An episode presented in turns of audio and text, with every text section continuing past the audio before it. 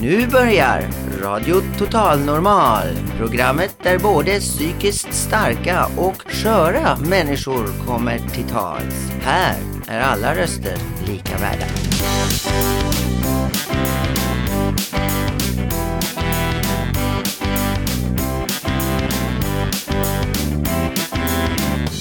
Det här är Total Normal, äh, Radio Total Normal. Du lyssnar på Radio Total Normal 101,1. Totalt normalt. Radio Total Normal 101,1.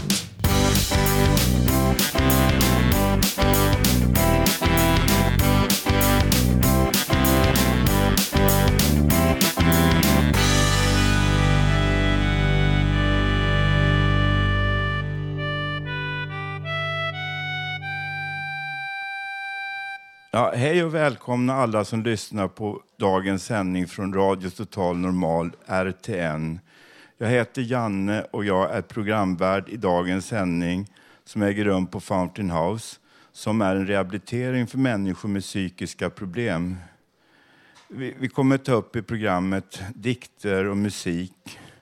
Och eh, nu ska snart Rika berätta om hur det är att vara förälder och ha, eh, och vara psykiskt, eh, ha psykisk ohälsa, föräldraskap och psykisk ohälsa.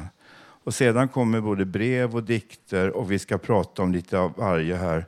Det är vackert väder, solen skiner och publiken är väldigt entusiastisk och stämningen är god. Ja, låt Rika få börja. Varsågod Rika.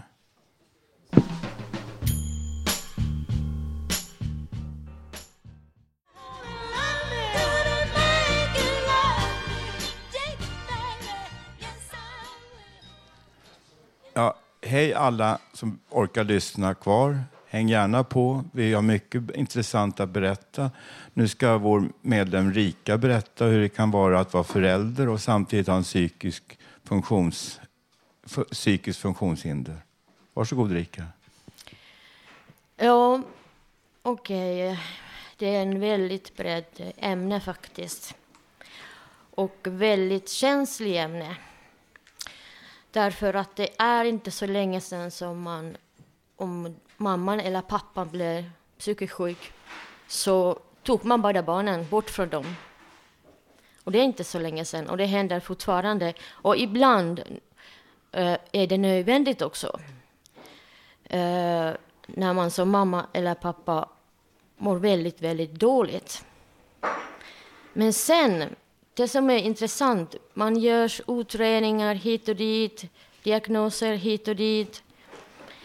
Alltså, i och med att jag har varit mamma 15 år, så det är, det är många saker som har hänt. Och jag känner så här att jag har fått hjälp med den rollen, men många gånger är det så här att det brister. Och sen är det så också att eh, den, den påverkar väldigt mycket. Menar, man, man eh, slutar inte att vara förälder bara med att, att man har blivit psykiskt sjuk. Och det finns såna här extrema saker förstås, liksom om det, blir, om det finns narkotika, om det finns våld i hemmet. Där måste man, eh, socialen till exempel, krypa in och sådana saker. Men att sen svartmåla hela kroppen så här. Ja, vad ska man säga? Eh, om man tänker alla färger, så där gäller också variation. Jag menar, varje mamma och pappa och den här mamma, pappa, barnrelation, det är unik. Det finns ingen sån här, så att det här är fel, det här är... Och det som jag har känt väldigt mycket eh, med mitt föräldraskap, jag tycker att jag har varit totalt ensam. Det är ingen liksom jag har känt mig som att jag är mamma på distans, jag är dålig mamma. Eh, vad ska man säga, barnets skola eller dagis eller sådär, så de har gått, tassat runt om mig istället för att samarbeta. De kunde ha till exempel pratat med min läkare och min kontaktperson och liksom fått information vad det handlar om att eh, ha en viss sjukdom och vara intresserade. Hur ska man utveckla det här? Nu är det så här för att allt det här har låg status i samhället. Psykiatrin, barnen, barnens rättigheter. Om man säger så här att ja visst, eh, barnens rättigheter är det, är liksom, det är det allra viktigaste. Men när en mamma eller pappa blir psykiskt sjuk, då kollapsar allt. Och den, det händer liksom att hela det här nätverket på något sätt i min del slutade med skilsmässa och sånt där. Och jag har hört de här historier hur många som helst genom åren. Och jag, en sak som är så här att jag är väldigt, väldigt stolt att jag har en kontakt med min dotter. Det har jag, för att ungarna växer. Hon är inte mer än tre. Nej, det hände när jag blev sjuk. Hon är 15 och tonåring. Och då ska man liksom försöka hitta sin plats där. Eh, och sen är det också att det finns i och för sig föräldrar som måste vara eh, tvungna att de jobbar för mycket, de har inte tid till ungarna. Eller sen föräldrar just som jobbar inte alls. Plus att dessutom de har en psykiskt funktionshinder. Och eh, jag måste säga att för mig, de har stöttat mig från psykiatrin i mammarollen. Ja, visst. Men jag har aldrig känt mig efter det att jag blev förälder eller sjuk att jag skulle vara viktig på något sätt. Jag, jag, känner inte så, och jag känner skam. Och det värsta av allt det här är förstås att barnen börjar skämmas för sina föräldrar och sånt där. Så att det blir en, någon slags eh, ond cirkel också. Eller kan bli, det behöver bli. Vissa familjer klarar av och liksom men man kan säga också så att, att anhöriga hålls så himla mycket borta från. Alltså det är en, när sånt händer så det är kaos i hela familjen och sånt där. Och det behöver inte sluta med skilsmässa, men det är det. Och ibland är det så pass illa att måste, man måste placera barnet till foster, fosterhem. Eh, därför att liksom det måste på något sätt fungera runt barnet i alla fall. Och sen tror jag liksom det här att eh, det är ett annat ämne, men det kop kan kopplas till att det här med återhämtning, det är en svår väg. Men liksom, herregud, man måste liksom vara en social varelse. Och jag menar, om man, om man har äh, ett värde så orkar man också ta itu med sin föräldraskap. Annars är det, annars är det jättesvårt. Och, och liksom, det handlar alltså om många andra vuxna omkring. Och jag menar också det här liksom att um, jag känner så här att det finns inte riktigt, det här, det här är i sin linda på något sätt. Det finns inte tillräckligt forskning. Det, jag träffade en, jag, sist här så kan jag berätta att jag träffade en läkare och min dotter var ganska liten. Och det är liksom att en enstaka läkare liksom driver fram hårt ett projekt liksom för barn. Det finns inga sådana här egentligen så mycket. Och alltid är det brist på resurser. Och sånt där. Och man säger att det är brist på resurser. Jaha, det är, det är, och det är barnen som blir lidande liksom, i första hand. Eh, hon startade en projekt 96 tror jag. Och den och där var min dotter med, men jag tror att det var bra för henne, faktiskt. Men att sånt där verksamhet, så snälla politiker, uh, låt det inte liksom uh, bara stanna där, utan det blir därför att Sen är det också en annan fenomen och det är det här att uh, jag menar, det händer en massa saker just nu i, sam i samhället, på gott och ont förstås. Men att, eh, som är oroande, och det är att gruppen hemlösa ungdomar, till och med barn, ökar i Stockholm. Det är också en eh, fenomen. Man tänker så här att jo, men alla har ju hem och alla har ju liksom rättigheter och sånt där. Men verkligheten talar något annat. Och de barnen och ungdomarna är väldigt, väldigt utsatta. Så att eh, jag har det bra med min tonåring. eh, så gott jag kan. Men jag upplyser sådär mycket mycket mera samarbete mellan olika, olika instanser och aktörer. Så vad, vad kan man göra? Ja, jag kan skicka lite pengar till Rädda Barnen eller BRIS till exempel.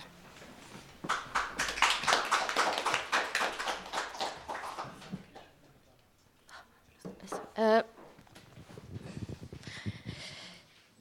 Eh, nu pratar jag jättelänge och sånt där, men, men eh, om det är någon som vill säga någonting så...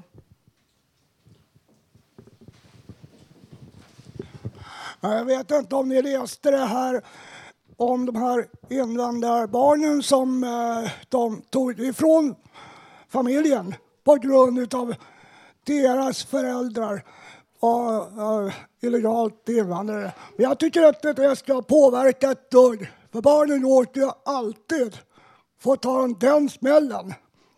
Oberoende om de är kristna eller någonting. Och ska man ge barnen ett värde, då ska man inte behandla dem sämre än vad man gör med djuren i vår värld. Så till alla er politiker, ta barnen framtid först och främst och inte bara regelrytteri som ni gör. För det förstör deras fina värld som de växer upp. För vi vill inte att de ska bli gatubarn. För det finns hem där de bara tar hand om dem men sen har inte föräldrarna en dugg kontakt när de ska träffa dem igen. Och tänk er själva att en fem sexåring tas ut och så frågar de Ja, var är mamma? Jag vet inte. Att de inte har någon kontakt. Vad som händer. För att föräldrarna, de har ju uppfostrat barnet på ett sätt. På det andra stället kanske de uppfostras på ett helt annat sätt. Och det tycker jag är skandalöst mot barnen. Ja, jag, ja, jag vill säga bara kort liksom att ja, det där är sant. Alltså, grejen är så här att eh, det är jättebra om det, det finns ett behov att, eh, att barnen placeras i fosterhem och sånt där. Det, ibland blir det bara så. Det, det, är så alltså det måste funka omkring barnet. Eh, men samtidigt så här att vi måste vara vuxna där också. Om barnet vill och sånt där, de måste veta om, om sina biologiska föräldrar och ha till och med liksom kontakt och sånt där. För om det blir skuld och skam med det där, de kommer att söka hela livet efter sin egen pappa eller mamma. Eller det saknas någonting. Det här har gjorts forsk forskningar hur mycket som helst. Okej, har någon annan att, eh, någonting att säga? Nu ska jag berätta en sak som jag inte vågar säga till någon i hela världen tidigare i stort sett. Och det är alltså när jag var sju, åtta år så var vi i Tylösand på semester. Pappa och mamma jobbade där då. Och då var det en lekkamrats pappa då som var lite konstig. Och jag var uppe, han bjöd mig på glass då. Och sen svartnade det för mina ögon och så fick jag den där han, glass i en glasskål. Han satt där och slickade sig om munnen. Och sen svartnade för mina ögon. Jag vet inte varför jag gjorde det. Och, och jag sa till min mamma, vad är det som hade hänt? Vad gjorde Walter med mig i Österrike? Jag var inne i ett rum med honom. Sen var det var pengar. Sen kom jag underfund med det att det fanns faktiskt fula gubbar. Och det är det som gjorde sen att jag var tvungen att vara tre personer. En person hemma, en person när jag, gjorde en person när jag var hemma och gjorde läxorna, en person i skolan och en tredje person ute i skogen. Va? Och det är saker som jag inte vågar säga för nu. Och I och med att jag fick ta på mig skulden och skamkänslorna för allt det där. Och jag skulle skämmas över allt det här att jag råkat ut för. Och sen kom jag på det då när jag inte åt mediciner på två år, vad som verkligen hade hänt i min barndom. Jag fick en barndom som var förstörd. Och sen alltså, har jag inte kunnat jag har inte kunnat vara normal. Och då förstod ju barnen i skolan att det var något fel. Och då kastade de ju började kasta stenar på mig på skolgården. Va? Så jag säger bara en sak då. Den som är utan skuld kastar den första stenen. Tack.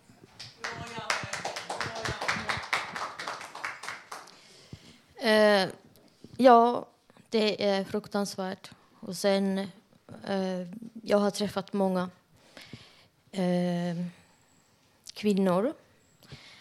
Och det här just att det att någonting, har, någonting fruktansvärt har hänt, sexuella övergrepp och sånt där i barndomen. Så det är klart, det stora kuppen av dessa barn och sånt där, un, ungdomar, så de, eh, de mår psykiskt dåligt hela sitt vuxenliv.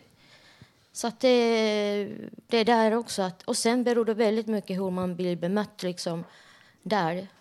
Att om, om eh, vuxna omkring just då, liksom, när det har hänt, lyssnar en och tror på en. Men så är det inte alltid.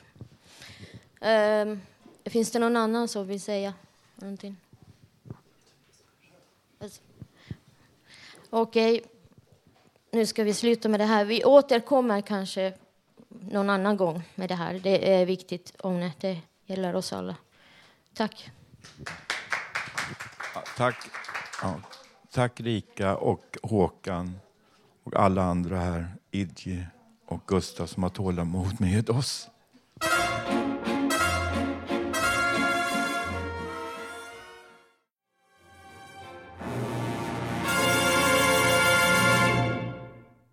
Ja, nu ska jag berätta något om vilka knep jag har haft genom tiderna att försöka bli psykiskt frisk. Då. Det är väl framför allt att hitta en bra eh, psykiatriker eh, som kan ge bra mediciner och att eh, ha, försöka eh, eh, ha någonting vettigt att göra på dagarna. Och förr var det då mera mycket på sjukhus, landstingsverkstad och så vidare och, och Samhall.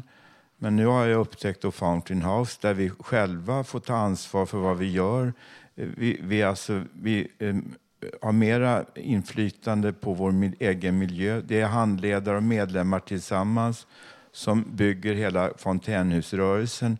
Och vi, jäm, vi har jämlikhet här. Vi har husmöte varje onsdag då vi eh, diskuterar våra frågor gemensamt och har konsensus, att vi kommer samstämmighet, att vi vi, det är alltså inte majoritetsbeslut utan vi diskuterar frågorna tills vi får eh, gemensamt beslut.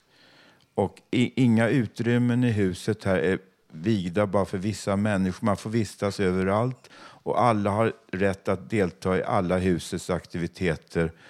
Och vi har då så kallade riktlinjer som är internationella och som finns i Internationella centret för klubbhusutveckling, ICCD i New York. Det är alltså en världsomspännande eh, rehabilitering, en rörelse för psykiskt funktionshindrade över hela världen. Och vi har klubbhus i många länder och det blir fler och fler klubbhus. Och vi har konferenser regelbundet och jag var nyss i Glasgow och det kommer en världskonferens i Florida i oktober i år. Och det var ungefär vad jag skulle säga. Jag, jag kan be att andra kanske får komma fram också och tala om hur de har gjort då för att bli, må bättre. Jag vill gärna att någon säger någonting om det här bland publiken. Då. Alla ser förväntansfulla ut här. Så att, är någon som vill säga någonting? Robert? Håkan? Ja, Håkan kanske. Håkan, hallå? Ja, eh, många reagerar ju för varför berättar så sådär och varför jag ställer mig frågan själv. Om Janne nu säger att han beter sig lite underligt som vi kanske tycker, så tänker jag efter. Ja, hur skulle jag göra om jag var i samma situation som Janne? Jag tror inte folk tänker på det. Att man bara har lätt att slå ner på folk. Men att finna sina egna fel. Det är precis att det struntar de totalt, totalt i. Jag tror en del också trivs med att de jäklas med folk. Och eh, till alla politiker också när det gäller ungdomar. Stäng inte fritidsgårdarna. För jag har erfarenhet utan jag har varit fritidsledare innan. Och där hade de en ungdomsgård i Sundbyberg som de ungdomarna fick vara med och bestämma hur de skulle ha det. Tror ni inte de där kära politikerna sa nej, vi måste spara. Och genom att spara så förstör ni samhället. Ni gör inte någon nytta. Ni bara förstör för alla som vill göra någonting. Ge dem chansen istället. Tack för ordet. Ja, tack Håkan. Eh, kanske finns flera här som vill säga någonting om det här? Ja, nej. Okej, men då går jag vidare då med ett brev. Förlåt, det blir musik nu, förlåt. Radio Total Normal 101,1 torsdagar mellan 14 och 15.30.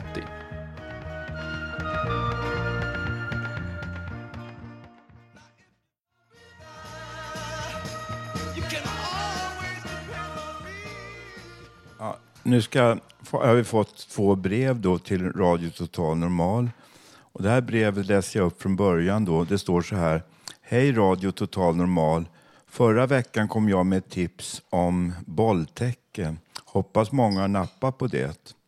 Nu vill jag väcka en debattfråga, nämligen så kallade handikappersättning från Försäkringskassan. Jag hävdar bestämt att det är omöjligt för oss psykiskt funktionshindrade att bli beviljade handikappersättning just på grund, av, på grund av dess utformning som mest går ut på att passa in på fysiska handikapp. Våra handikapp plus våra livsvillkor är dock helt annorlunda. Det det är väl inte många av oss med våra handikapp som fått det? Eller? Eller är det skillnad på handikapp och handikapp? undrar Kai Chao Eskilstuna. Någon som vill säga någonting här om det här? Rika kommer nu. Varsågod Rika. Ja, det är alldeles riktigt. Jag menar, de, det är en stor skillnad med psykiska funktionshinder och uh, somatiska egentligen. Och eh, jag vill inte påstå att de är somatiskt handikappade, att de, de har det bättre eller så, men precis som Kai Chao säger är det så att eh, de här villkoren och lagstiftningen och allt det där så gynnar inte på rätt sätt de som har psykisk ohälsa. Det här handlar till exempel om rehabilitering. Ja, det är en annan saga det. Ja, tack Rika för ditt inlägg. Nu har jag en, ett brev till då som har kommit och det står så här. Nu ska vi höra låten Den schizofrenes sång. Och det här är en medarbetare som bor i Norge som skickat oss detta. Han läste om Radio Total Normal i DN på biblioteket i Bergen i Norge, Norge. och sen skickade han oss en CD han gjort. Han skriver så här. Den schizofrene är i denna sång en kombination av tre personer. Jag är själv den ene, den andra är en son till en kommunist som i senare tonår hade en djup psykos då han sa sig vara Messias och så en uppdiktad person som må hända farit illa av att ha tillhört en karismatisk väckelserörelse.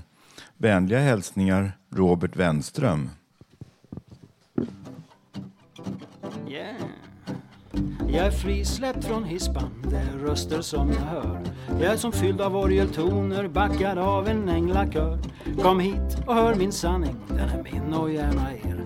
Jag faller ner på knäna, knäpper händerna och ber. Hela världen är ett skatbo och jag vill hoppa av. Varför blev jag vald till detta? Jag orkar aldrig dina krav. Jag har hälsat på herr Hitler, och spelat schack med Napoleon. Men allra bäst så trivs jag som den allsmäktige son. Jag är en nya Messias om så bara ett par veckor till. Annars känner jag tolv killar som med träning kanske vill. Hela världen är ett skatbo och jag vill hoppa av. Varför blev jag vald till detta? Jag orkar aldrig dina krav. En av killarna heter Peter och han var min bäste vän. Jag tänker också på Thomas, mera känd som tvivlaren. Bäst trivs jag med mina tjejer, Mariorna de små. Som romerska legionärer får låna då och då. Hela världen är ett skatbo och jag vill hoppa av. Varför blev jag vald till detta? Jag orkar aldrig dina krav. Alla längtar efter friheten var i all världen den kan bo. Men en sak är då säker, det hjälper föga att tro. Nej, bättre är att veta vart man kosan styra skall. När du kastat av dig manteln och avsagt dig ditt kall. Hela världen är ett skatbo och jag vill hoppa av. Varför blev jag vald till detta? Jag orkar aldrig dina krav. Att gräva ner sin karisma i vigd som ovigd jord.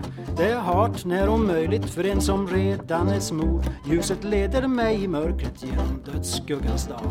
Där jag dväljs bland de förtappade och lider helvetets alla kval. Hela världen är ett skatbo och jag vill hoppa av. Varför blev jag vald till detta? Jag orkar aldrig dina krav.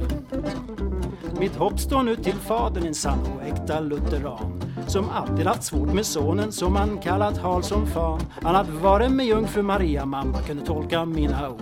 Så akta er för fäder som underhåller sig med mord. deckare, gå på korsfester, fixa jordbävningar och annat elände. Hela världen ett skatbo och jag vill hoppa av. Varför blev jag vald till detta? Jag orkar aldrig dina krav.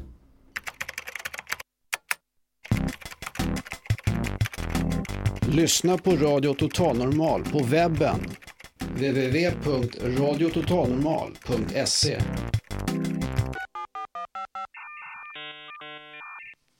Ja, nu ska Robert N läsa ett, ett skri, en skrift. Jag vet inte, det är någon dikt kanske? Ja, och varsågod Robert. Det är lite tänkvärd, pro, tänkvärd prosa.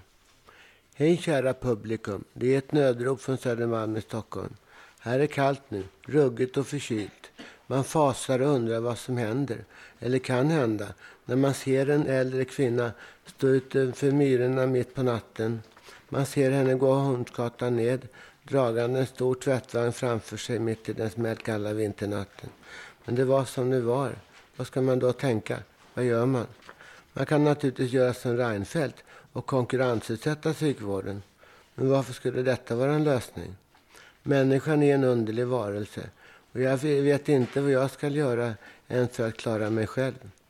På radion pratade på morgonen om avrättningsställen för personer i svunna tider. Det fanns nog ett eller två sådana gamla ställen här på Södermalm också. Jag är inte säker på att jag kan hantera det här.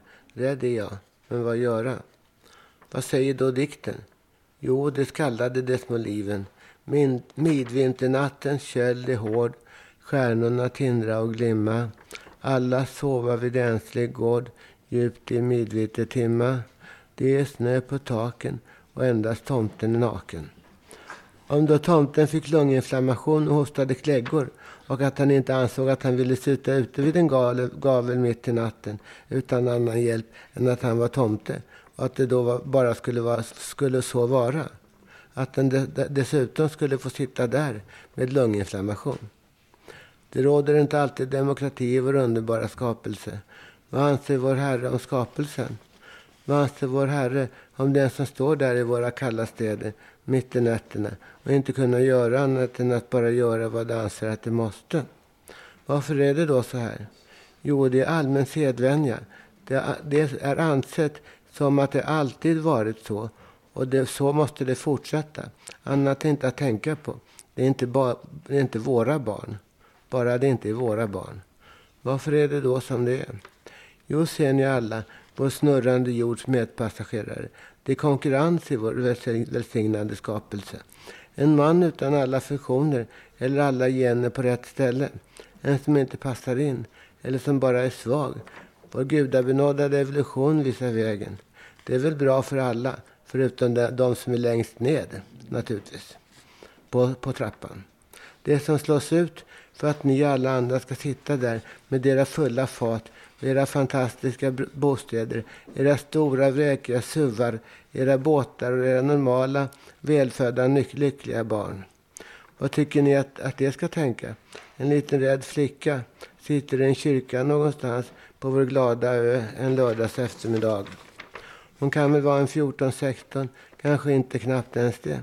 Läppgubben som lägger sin arm om henne är väl nästan halvdöd prepens och borde veta bättre. Vad ska hon med honom till? Inte vet jag. Det kan ju faktiskt vara okej. Men inte det verkar hon vill ha det så mysigt. Kyr kyrkorgeln tjuter som en vinterskadad knölsvan när det spelar Mendelssohn, Mendelssohn. Är det verkligen detta hon vill ha? Men, men gubben han är nog, nog nöjd han.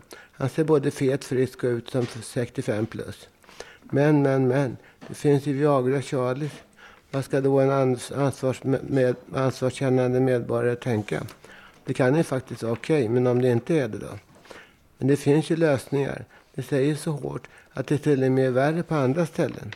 Vill inte vi behålla våra friska och ändå ganska nöjda tonårsungar utan att någon dåre till Hallik någonstans tjänar grova stålar?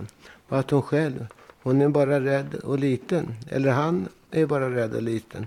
Och kanske till och med ibland även sönderslagen. Är det så vi vill ha det? Tycker ni det? Ja, ja, det får väl vara som det är. Det är bäst att vända andra till än kinden till, säger det. Men inte ens Gud gjorde detta. Han dränkte sin skapelse i oceaner av vatten. Man förstår honom nästan. Det är ju så. Ja, hej då ni kära publikum. Jag hör av mig en annan gång också. Då får vi be till våra skap vår skapelses Herre om att jag har något bättre och mer uppbyggande att berätta om. Slut. Tack för Roberten.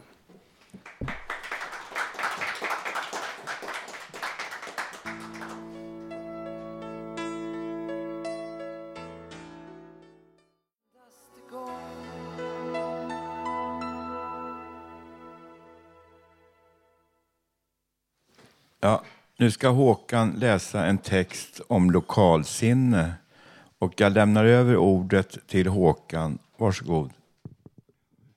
Ja, det här handlar ju inte om eh, det man brukar säga eh, på fester, att den och den har ett dåligt ölsinne eller att man eh, inte är någon sjukdom.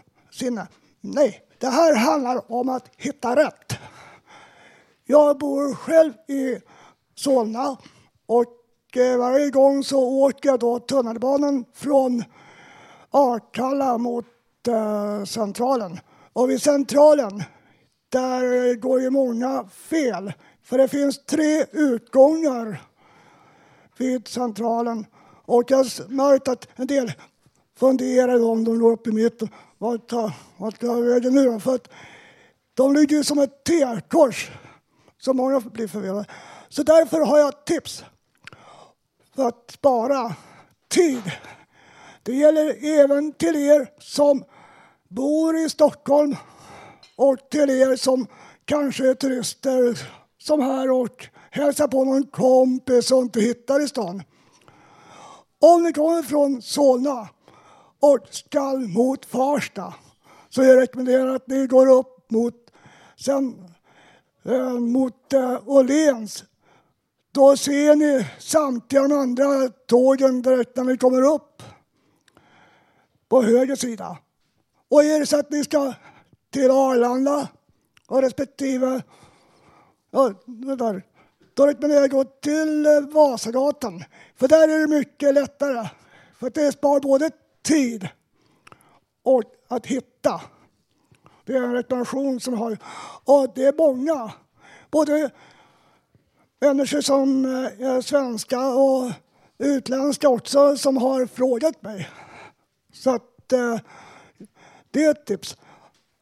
Och är det så att ni är ute och går och är osäkra på vägen, se efter en speciell byggnad i en korsning som är ett riktmärke när ni går. För på kvällen är det ju inte lika.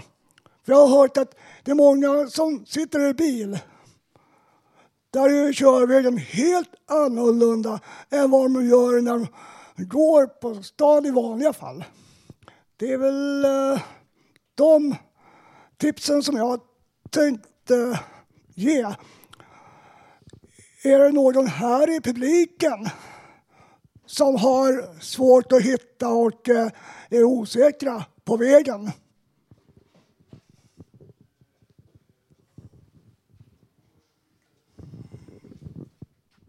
Eh, jag kan ofta uppleva att det kan vara svårt att hitta på vissa platser här i Stockholm. Och en del platser ganska likna, likna, liknar varandra väldigt mycket. Men jag brukar klara det här rätt bra. Men eh, ibland blir man lite, när man är stressad kan man bli lite förvirrad faktiskt och åka fel med tunnelbana och Så att det är väldigt bra eh, förslag som Håkan kommer med här då. Att gå på rätt eh, utgång då, T-centralen, för det är rätt stort det där. Okej, tack så mycket. Ja, lite då och då så ändrar ju SL till med bussar och nya linjer. Så har jag också en rekommendation att ta er tid och åk ett varv med de nya busslinjerna. För att det ger mer resultat än man nog tror. Det kanske låter löjligt. Men då kan man se om man möter på någon annan linje. Oj, den här. Varför åker den här? Varför åker jag runt Kungsholmen när jag kan åka som till exempel Tegelbacken direkt till Norra Bantorget med en och samma linje istället för att man åker runt halva som kanske tar en och en halv timme normalt mot kanske bara 10-12 minuter. För att det är många som har... Och en annan rekommendation också. Är det så att ni står vid Fridhemsplan, då rekommenderar jag till er att ni ska mot Centralen. Åk med tåget som går mot Kungsträdgården istället.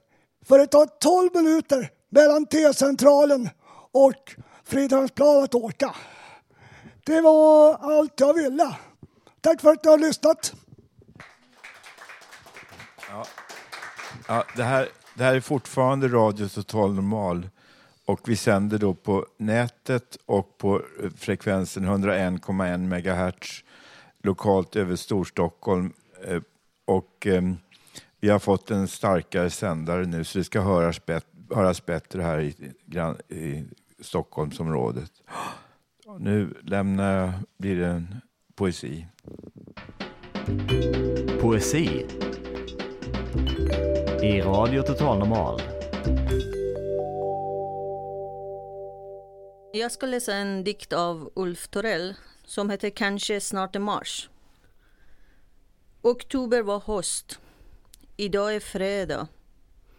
Solsken sommar.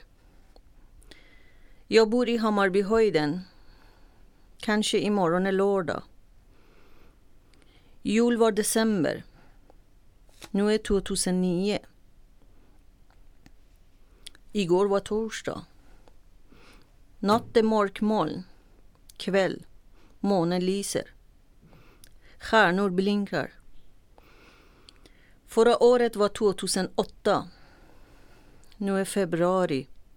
Jag möjligt fyller år 28 december. Reste fartyg 1969-70 på Atlanten. Jag var i Sydamerika. Morgnar är eh, ljusa.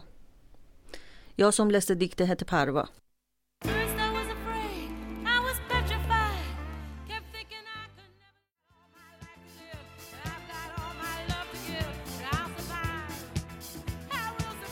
Ja, nu ber jag att få lämna ord och musik till systrarna Sisters, eh, Ann-Marie och Lillemor, som är väldigt duktiga på att sjunga och spela och som har det som Eh, hobby kan man kalla det för. Och de är väldigt duktiga, ser väldigt lyckliga ut just nu. Det är sällan man ser det så här lyckliga. Hoppas ni fortsätter med det.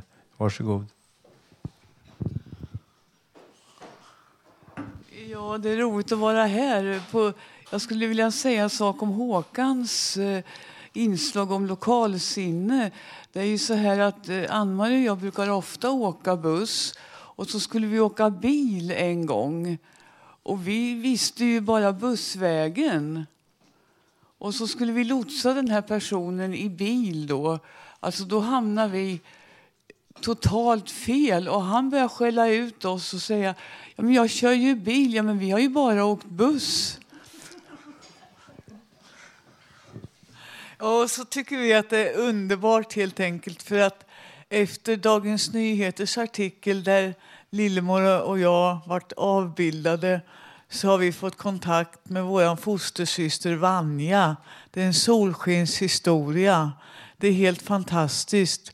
Och Vanja, lyssnar du på det här nu så önskar vi, vi vill verkligen hålla kontakten. Tack för igår, du är en underbar människa. Och nu ska vi spela här och Janne, det känns bra. Tack. Tack så mycket. Gitarren har jag haft sen liten tjej jag var. Den är min allra bästa vän och den vill jag ha kvar. Jag min gitarr, jag har min gitarr.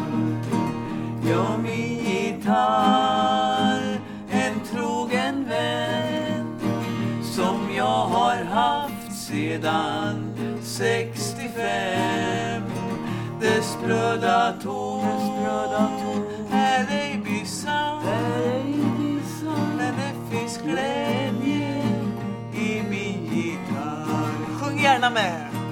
För varje dag som gått jag strängarna har smekt. Och glada melodier på gitarren fram jag lek på min gitarr jag har min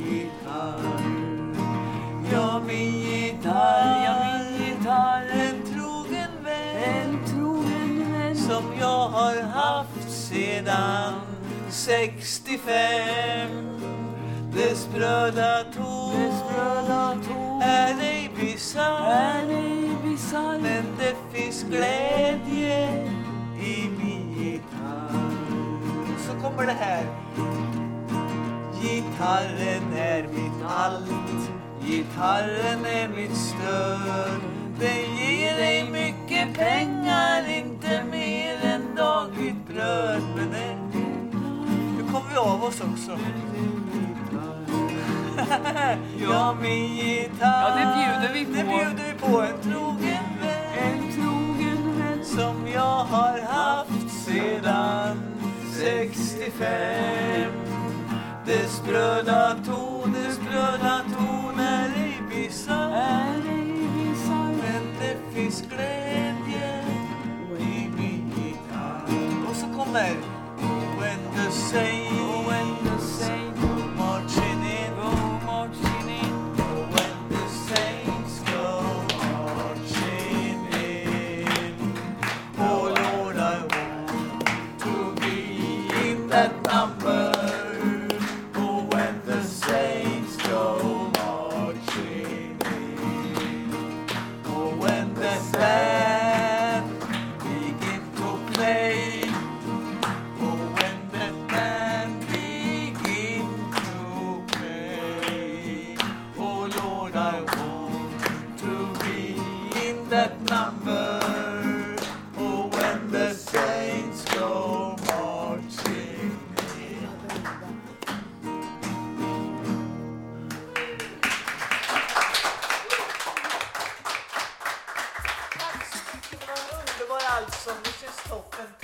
och tack allihopa.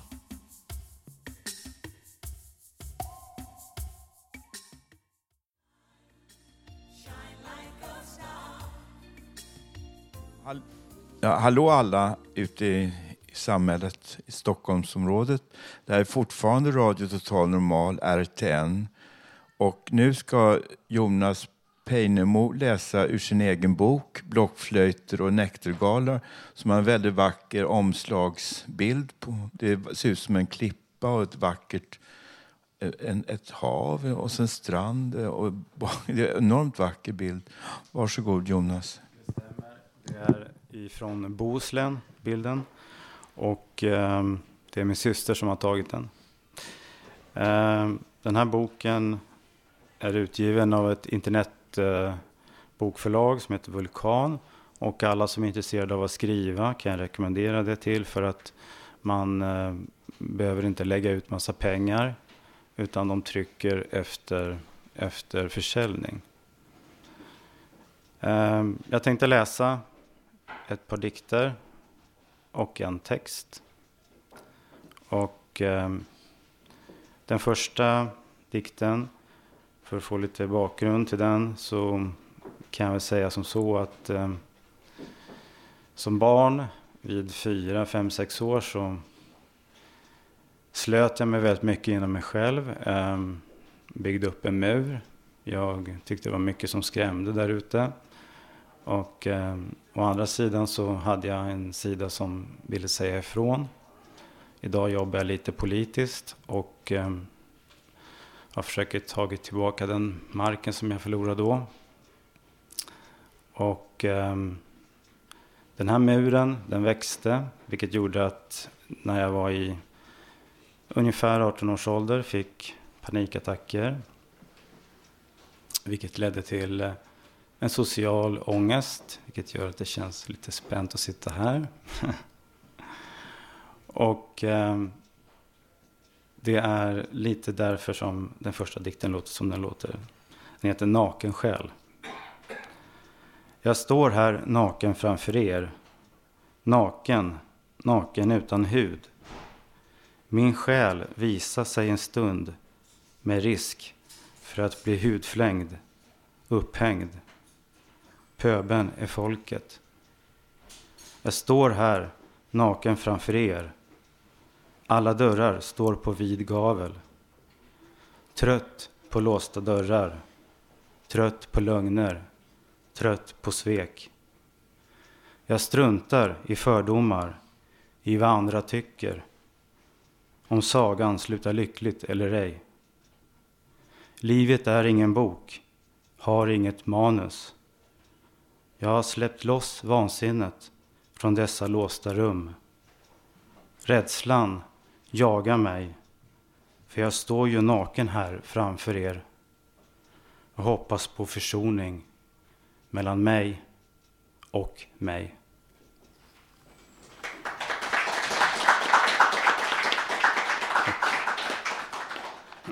Jag tänkte nu läsa en liten kort text som heter Solglitter. Ett ord, mer än något annat, har etsat sig fast i mitt minne. Det är ordet solglitter.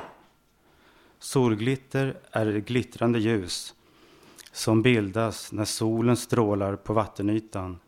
Kanske framför allt på morgonen när solen fortfarande står lågt på himlen. Ordet fångade jag upp i en bok jag läste för länge sedan och som jag nu glömt namnet på.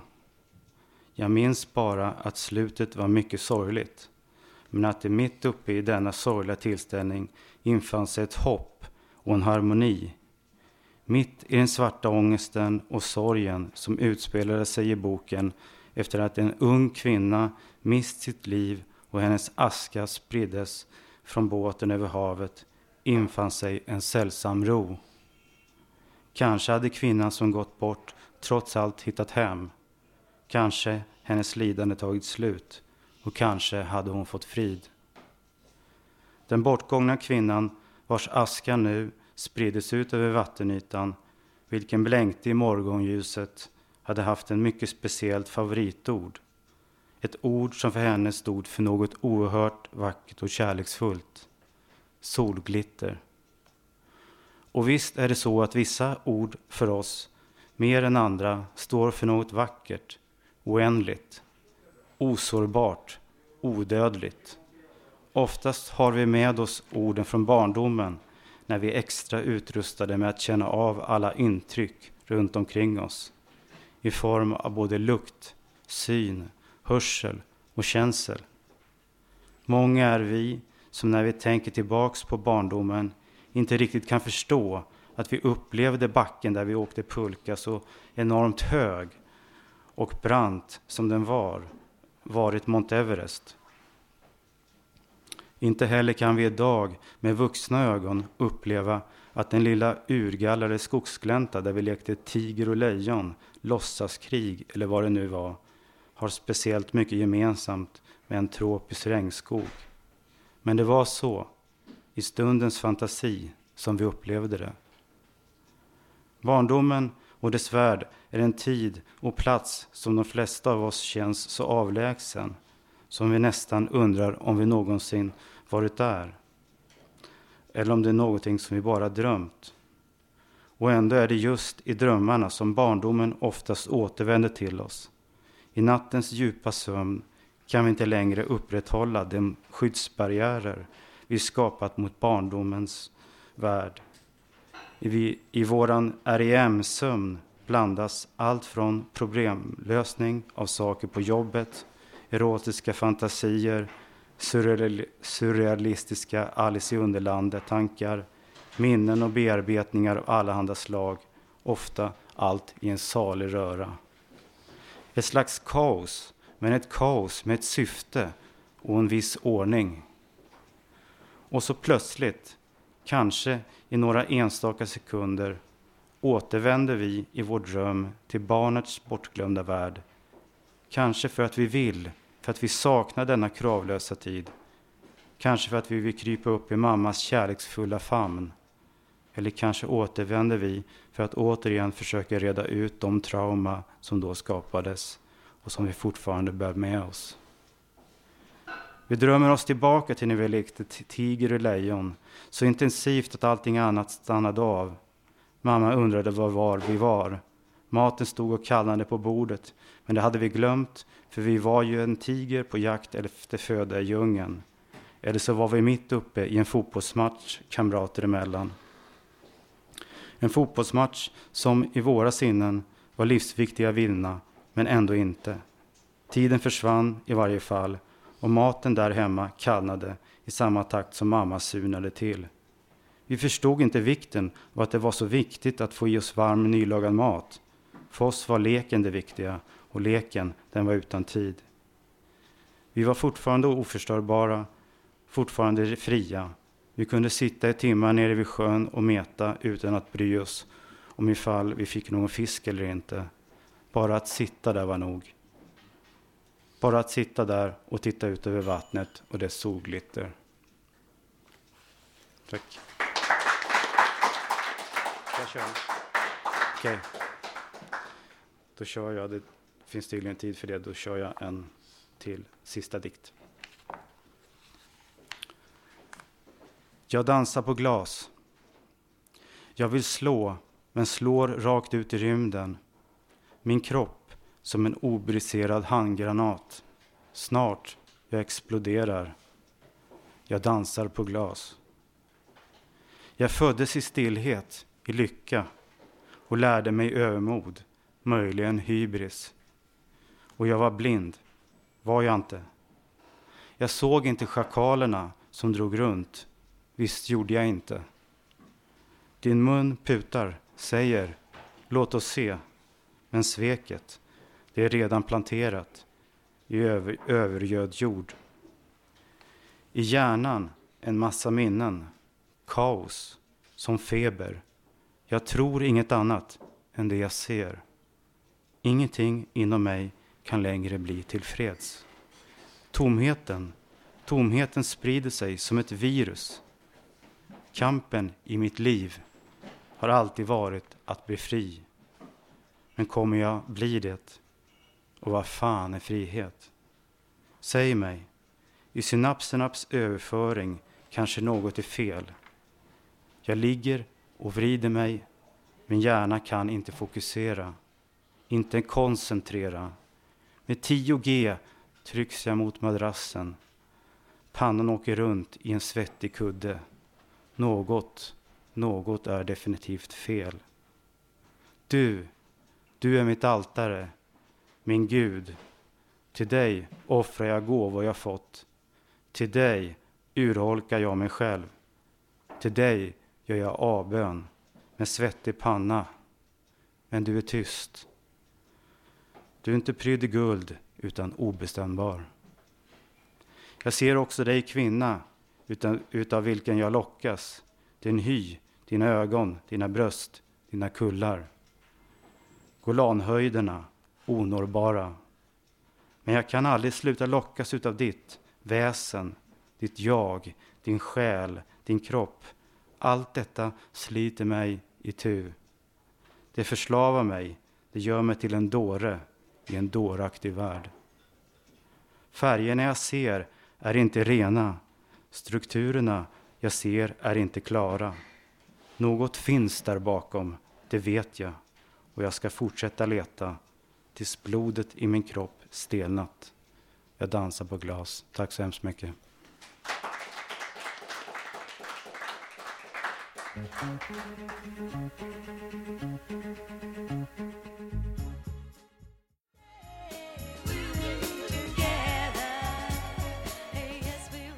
Ja, nu eh, ska jag ge en, några hälsningar här till våra medlemmar Och det är Arne som eh, har väl blivit friskare hoppas vi. Och Irene eh, och eh, Vallo som har Vallo då har, har haft eh, tillfälle, många tillfällen att gå på en träfflokal där man lyssnar på lugn och fin jazzmusik. Och det ligger då i Eh, Solna. Och eh, eh, det har tydligen lagts ned och brist på pengar brukar man alltid skylla på. Och Irene har sagt då att nu har hon ju fått tvångsvård och eh, hon har klagat då... Ja, vad händer nu Okej, Okej, ja. och hon har klagat då på att hon till exempel inte får tillräckligt med permissioner för att åka hem och eh, betala sina räkningar och så vidare. Och Eh, hon frågar sig också varför man ska komma in på tvångsvård överhuvudtaget när de inte tar emot folk som söker frivilligt. Då. Det var det jag skulle säga då överhuvudtaget. Jag har ju själv erfarenhet av det här. Så att det är inte något nytt heller och det verkar ju aldrig att psykiatrin lär sig aldrig någonting av det här heller. Ja, sen ska jag tipsa om att vi har någonting som heter Ångestloppet då, som innebär att vi ska springa då 209 meter. Eh, och, ehm, det äger rum måndag den 23 mars. Så alla som har lust att göra det får vi springa här då på Götgatan. Och ja, välkomna alla då som vill det då. Jag har inte mer att tillägga. Då. Jag ber att få tacka för eh, er, att ni har lyssnat på programmet. Och det, nej, det är inte riktigt slut ännu. Och det här är fortfarande Radio Total Normal RTN. Tack så mycket.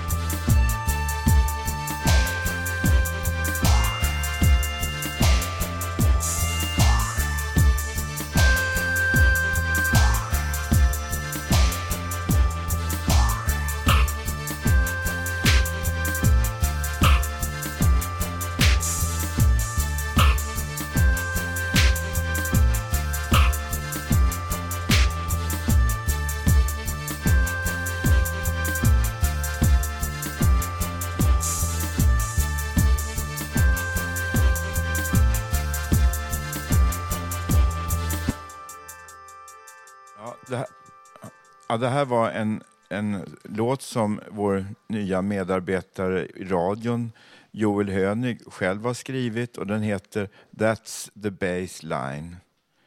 Och eh, nu är det inte mycket mer än att jag får tala om att vi har fått hälsningar från Argentina, eh, Colifata, eh, som är en, ra- eh, en eh, verksamhet då, som är inspelad från Argentina.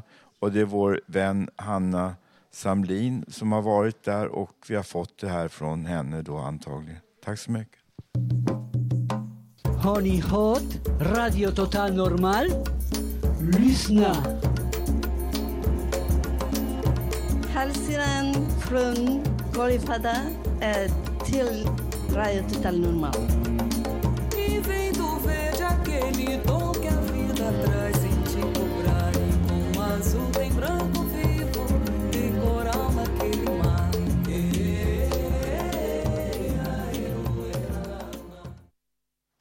Ja, och nu ska jag snart be att få avrunda programmet.